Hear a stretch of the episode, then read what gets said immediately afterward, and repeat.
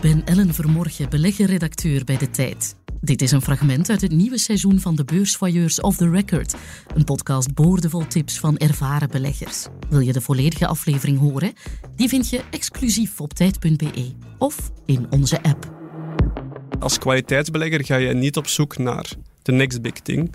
Dus vandaag is dat misschien ja, artificiële intelligentie. En een aantal jaar geleden was dat misschien alles wat met marihuana te maken had enzovoort. Dus je gaat niet op zoek naar de next big thing, maar je gaat op zoek naar bedrijven die al gewonnen hebben. En dan heb je, wat zijn daar voorbeelden van? Wel, waarschijnlijk een Visa en een Mastercard.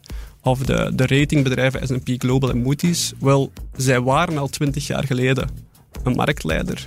Zijn dat nog steeds vandaag. En altijd gevaarlijk om dergelijke uitspraken te doen natuurlijk, maar ik acht de kans vrij groot dat dat over 20 jaar nog steeds het geval is.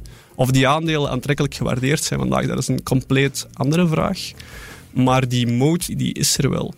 En eigenlijk, als je gaat kijken, dan probeer ik eigenlijk altijd die moot, of dat de duurzaam competitief voordeel te gaan kwantificeren. Waarom? Wel, wereldwijd zijn er ongeveer een zestigtal duizend uh, beursgenoteerde bedrijven. Niemand kan die allemaal analyseren.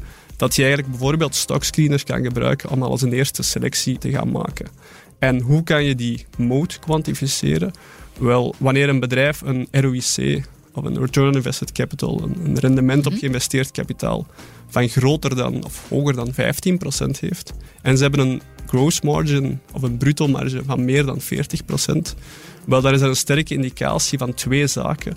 Wel, enerzijds dat het de kans vrij reëel is dat ze een competitief voordeel hebben. En anderzijds ook prijszettingsmacht of pricing power. Mhm. Wat ook een, eh, een heel aantrekkelijke karakteristiek is uh, voor bedrijven.